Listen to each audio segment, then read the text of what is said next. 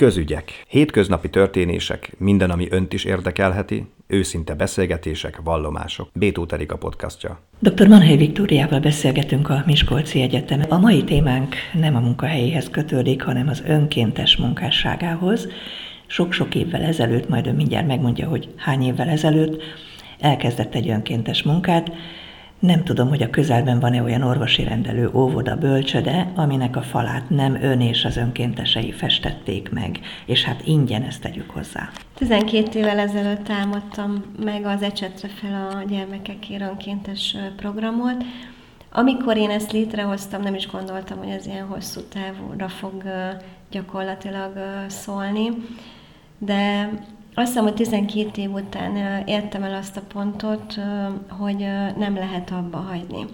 Egyrészt azért, mert az ember megtapasztalja azt, hogy milyen úgy szívből és önzetlenül adni a gyermekek számára, hogy semmi viszonzást nem vált cserébe, és már attól is boldoggá válik, hogyha fotók és videók alapján gyermekmosolyokat lát a munkája láttán. Másrészt pedig úgy gondolom, hogy én ezzel talán egy példát is mutathatok a társadalom számára, hogy a hétvégeket úgy is el lehet tölteni, hogy nem a tévé előtt ülünk és a fotelban, hanem létrára mászunk, és megpróbálunk gyakorlatilag a lehető legtöbb intézményt színessé varázsolni. Na de egyáltalán honnan jött az ötlet, hogy kifesse ezeket a bölcsöde, óvoda, iskola, rendelők falát? Az ötlet az onnan származik, hogy nekem a kisebbik kisfiam pitvari sövényhiányjal született, és négy éves koráig elég sok időt töltöttünk a gyermekkardiológia fehér falai között ezáltal, és mindig problémát okozott az, hogy az ultrahang vizsgálatoknál nem tudták az ő figyelmét lekötni, nagyon sokat sírt, nyugtalan volt, és játékokkal kellett elterelni a figyelmét, hogy egyáltalán az ultrahangok megvalósulhassanak.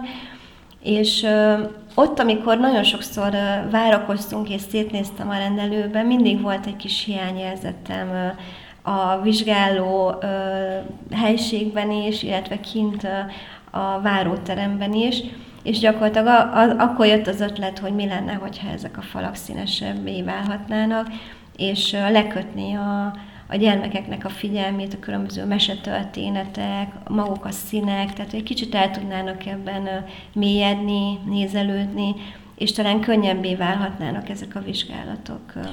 Könnyű volt ezt a munkát elkezdeni, vagy mi történt? Ön bement egy bölcsődébe, és azt mondta, hogy hagy fessen már ki a falat? Az első próbálkozások kicsit nehezebbek voltak, egyrészt már nem voltak referencia munkáim. Annyi referencia munkám volt, hogy én előtte a gyermekszobát otthon festettem, és ezeket a falfestéseimet lefotóztam, és ezekkel a festésekkel besétáltam gyakorlatilag a, a Miskolci Velkei László Gyermekegészségügyi Központ gyermekrehabilitációs osztályára, ahol Szabó Emese főorvos nőnek megmutattam ezeket az alkotásokat, és ott felajánlottam azt a segítséget, hogy esetleg a gyermekrehabilitációs osztálynak a koltermeit is nagyon szívesen megszépíteném, és főorvosnő nagyon örömmel fogadta ezt az ötletet, és... De hát ehhez akkor kellett találni embereket saját segítségére.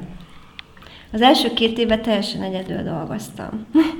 egyedül mentem hétvégenként, és és egyedül végeztem el az önkéntes falfestéseket, és két év után beláttam azt, hogy miután már ennek azért valamelyes két év alatt híre ment, mert akkor jöttek a felkérések a bölcsödéktől, óvodáktól, egyéb gyermekkórházi osztályokról is, sőt nem csak Miskolcról, hanem vidékről is, nagyvárosi kórházakból is, és beláttam azt, hogy én egyedül nagyon kevés vagyok ehhez, és egész egyszerűen a közösségi médián keresztül leírtam azt, hogy én önkénteseket keresek. És nagyon-nagyon sokan jelentkeztek meglepően erre a dologra, főleg, hogy miután már ismerték a munkáimat, mert azért én menet közben posztolgattam azt, hogy éppen hol vagyok, kinek segítek, mit teszek, és na- nagyjából azért ismerték már ezt a tevékenységemet, és Nyilván a, az első önkénteseim, az egyetemi tanítványaim, az akkori barátnőim, munkatársaim voltak, és utána pedig elindult egy olyan folyamat, hogy minden önkéntes hozott egy újabb önkéntes magával, valaki a kislányát hozta magával, és ő csatlakozott az ecsetre felcsapathoz, és ma már elmondhatom azt, hogy 240 önkéntesen van az országban, hat nagyvárosban működtetek ecsetre felcsapatot, tehát gyakorlatilag nincs olyan helyiség, ahova én mondjuk vállalok önkéntes falfestés, ott ne tudnék megmozgatni néhány önkéntest az országon belül,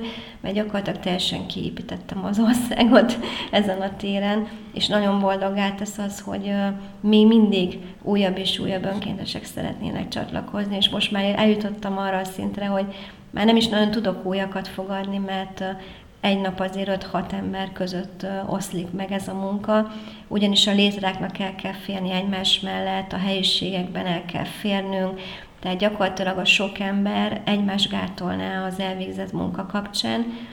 De... Ez úgy működik, hogy ön felrajzolja a gyermek figurák, vagy a mesefigurákat, és az önkéntesek festik? Ez úgy működik, hogy én minden helyszínre másfél órával hamarabb érkezem, kora reggel, igen, előre felrajzolom azt a mesetörténetet, amit egyébként spontán álmodok meg, tehát én előre soha nem kérek információkat az intézményektől, egyedül a csoportjelek neveit szoktam elkérni, azért, hogy amikor spontán kitalálok egy mesetörténetet, akkor éppen tudjam azt, hogy egy erdei, vagy éppen egy tavi, vagy egy réti jelentet kellene megvalósítani ahhoz, hogy a csoport csoportjeleket el tudjam rejteni a mesetörténetben, és Miután én felrajzoltam, délelőtt 10 órára érkezik az első turnusom, délután pedig váltják egymást az önkénteseim, de utoljára is én távozom, ami azt jelenti, hogy az önkénteseim elsősorban alapozó festéseket végeznek, tehát alapszíneket visznek fel grafit vonal mentén, amit én előre ugye felrajzoltam, és a satírozás, a tónusozás, a készreigazítás, a füvezési technika azokat többnyire én szoktam megvalósítani, tehát így utoljára is távozok minden helyszínről, de van már nagyon-nagyon sok van önkéntesem, akik már tudnak satírozásban segíteni, és egyéb bonyolultabb műveletekben, mert igazából kitanulták mellettem, és technikásak, és van olyan önkéntesem, aki már a kezdetektől fogva, tehát tíz éve velem van folyamatosan. Ki vette az első időkben a festéket, az ecsetet, a rajzoláshoz szükséges eszközöket? Én vásároltam mindent. Volt rá példa, hogy mondjuk egy-egy önkéntesem hozott magával színező pasztát, vagy ecsetet vásárolt, vagy nedves tőlőkenőt, hogy segítsene ezzel engem és volt már rá példa, hogy festékboltoktól is kaptunk adományokat, mert tudják, hogy ezzel foglalkozom, és amikor nagy mennyiségben vásárolok beltéri színezőpasztát, akkor mindig ajándékba is szoktam kapni, nem csak Miskolcon, tehát városon belül, hanem már most vidéki festékboltba is ismernek, és mindig szoktak ajándékba adni színezőpasztákat. A mai napig is egyébként én finanszírozom magánszemélyként ezt a tevékenységet, és ehhez ragaszkodom is egyébként, hogy ezt továbbra is én vásároljam meg az eszközöket, mert én úgy gondolom, hogy ez így hiteles, hogy én ezt így magamból adom, ezt a szeretetet és ezt a munkát ajándékba a gyermekek számára. Viktória miért csinálja? Talán azért, hogy hirdessem az együttműködésnek a jelentőségét, hirdessem az, hogy mennyire lehet szeretettel adni, úgy, hogy semmit nem várunk viszonzásként cserébe, és talán azért, hogy felhívjam az emberek figyelmét arra, hogy azért születtünk erre a földre, hogy ne legyünk önzőek, hanem próbáljunk meg önzetlenül adni, és úgy cselekedni, hogy ezzel valamelyes példát is mutassunk saját gyermekeinknek és a társadalom valamennyi tagja számára. De hát az ön életében is nem csak az önkéntes munka van, hanem nagyon komoly munkát végez a Miskolci Egyetemen. Hogy fér össze a kettő? A Miskolc Egyetemen a gépészmérnök és informatikai karontudományos főmunkatárs beosztásban dolgozom, többnyire kutató munkákat, kutató projekteket koordinálok, és mellettem oktatok is. Mind a mellett, hogy a Miskolc Egyetemen dolgozom főállásban, két további vidéki egyetemen vagyok vendégelőadó hétvégenként, nagyon-nagyon szeretek kutatni. Én egész életemben kutató szerettem volna lenni, és én ezt a munkát szeretetből végzem. Nagyon-nagyon sokat vállalok, úgy érzem magamra, de gyakorlatilag én magamnak keresem ezeket a vállásokat nagyon sokszor, és nagyon szeretek oktatni is, mert az oktatás is egy olyan dolog, hogy a fiatalság számára adjuk át azt a szakmai tudást, amelyen mi is rendelkezünk, és annyira jó tanítani, és átadni ezt a tudást. Illetve vannak doktorjelölt hallgatóim, szakdolgozatot készítő hallgatóim, nagyon sok nemzetközi konferencián képviselem a Miskolc Egyetemen, ahol lehet mindenhol vállalok konferenciálóadást, de nagyon-nagyon szerettem a munkámat, és nem érzem tehernek. És úgy érzem, hogy amikor egy hétvégén, amikor én festek, vagy éppen aktívan egy futóversenyen veszek részt, hogy sokkal energikusabb vagyok a hétfői napokon. Tehát nem az van, hogy már megint hétfő, hanem én kikelek, kipattanok az ágyból, és rohanok be mert én ezt is, ahogy az önkéntes munkát is, nagyon nagy szeretettel végzem, és nagyon-nagyon szerettem, mert nekem ez volt az álmom gyermekkoromban, hogy, hogy kutató lehessek, és az, hogy jó kutató lehessek. Igen, és hát most el is ismerték a munkáját tulajdonképpen a Miskolci Egyetemen.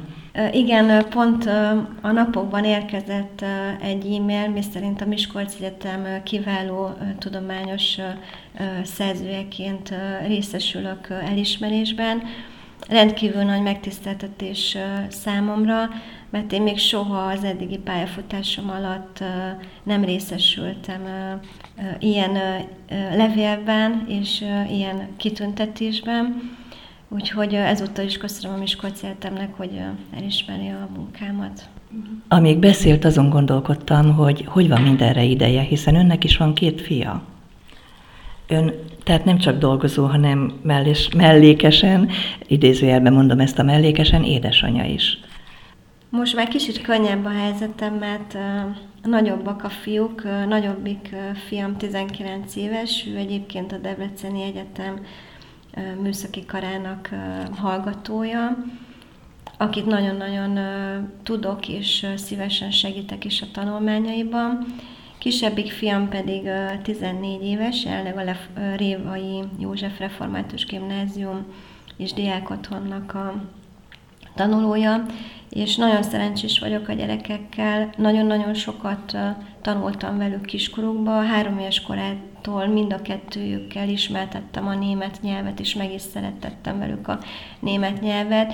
A kisebbik fiam rengeteg versenyt nyer részt vesz, és nagyon sok helyezést is elér, tehetségesek, logikusan gondolkodnak, és abszolút, mivel ők ebben nőttek fel, ebben az önzetlen világban, amit én képviselek az én kis világomban, Nekem például a, a kisebbik fiam a mai napig eljön segíteni a különböző gyermeknapi és karácsonyi programokon, és segít ott nekem kipakolni. Régebben a nagyobbik fiam is elkísért ilyen rendezvényekre, és a mai napig ott van mellettem. Minden riportot visszahallgatnak a gyermekeim a mai napig. Én úgy érzem, hogy büszkék az édesanyjukra, és én pedig nagyon örülök, hogy ilyen nevelést kaptak, mert az iskolákból is nagyon jó visszajelzéseket kaptam, hogy nagyon szép nevelést kaptak a gyermekek. Tehát úgy érzem, hogy ők semmiben nem szenvednek hátrány. Nyilván nem luxus körülmények között élünk, és nem is szeretnék azt, hogy minden az ölükbe cseppenjem gyermekként, mert én minden tartalékomat gyakorlatilag az ecsetre fel a gyermekek önkéntes kampányra fordítom, és ők megszokták azt, hogy nem nélkülöznek, de, de azt hiszem, hogy ők is azt a nézetet képviselik most már, hogy jobb adni, mint félretenni és halmozni. Mert mindig azt mondjuk, hogy mesztelenül jövünk a világra, és mesztelenül is távozunk, és ezt folyamatosan vallom ezt a nézetet, és előttük is folyamatosan hangsúlyozom, hogy nem az az élet értelme, hogy halmozzunk különböző kincseket és javakat. Kizárólag az az életértelme, hogy szétosztjuk a javainkat, és nyomot hagyunk a világban. És úgy távozzunk innen, hogy lehet, hogy nincs semmink, de adtunk valamit ennek a világnak. Ahogy hallgattam önt, felmerült bennem a kérdés, hogy ön Viktória boldog ember? Azt hiszem, hogy rendkívül az vagyok, és pontosan ez az, ez az önzetlen segítségnyújtást tesz boldoggá. Sokan azt mondják, hogy rendkívül kiegyensúlyozott vagyok, és szeretnek a közelembe lenni, mert nagyon-nagyon sok pozitív energiát tudok átadni, mind szavaimmal, mind pedig cselekedeteimmel. Én örülök egyébként ennek. Boldog vagyok. Vannak olyan dolgok, amelyek még amellett, hogy végzem az önkéntes tevékenységet és a mindennapi munkáimat, tehát azt hozzá kell tenni, hogy én rendszeresen sportolok, és a mai napig is rajthoz állok a versenyeken. Még erre is van ideje.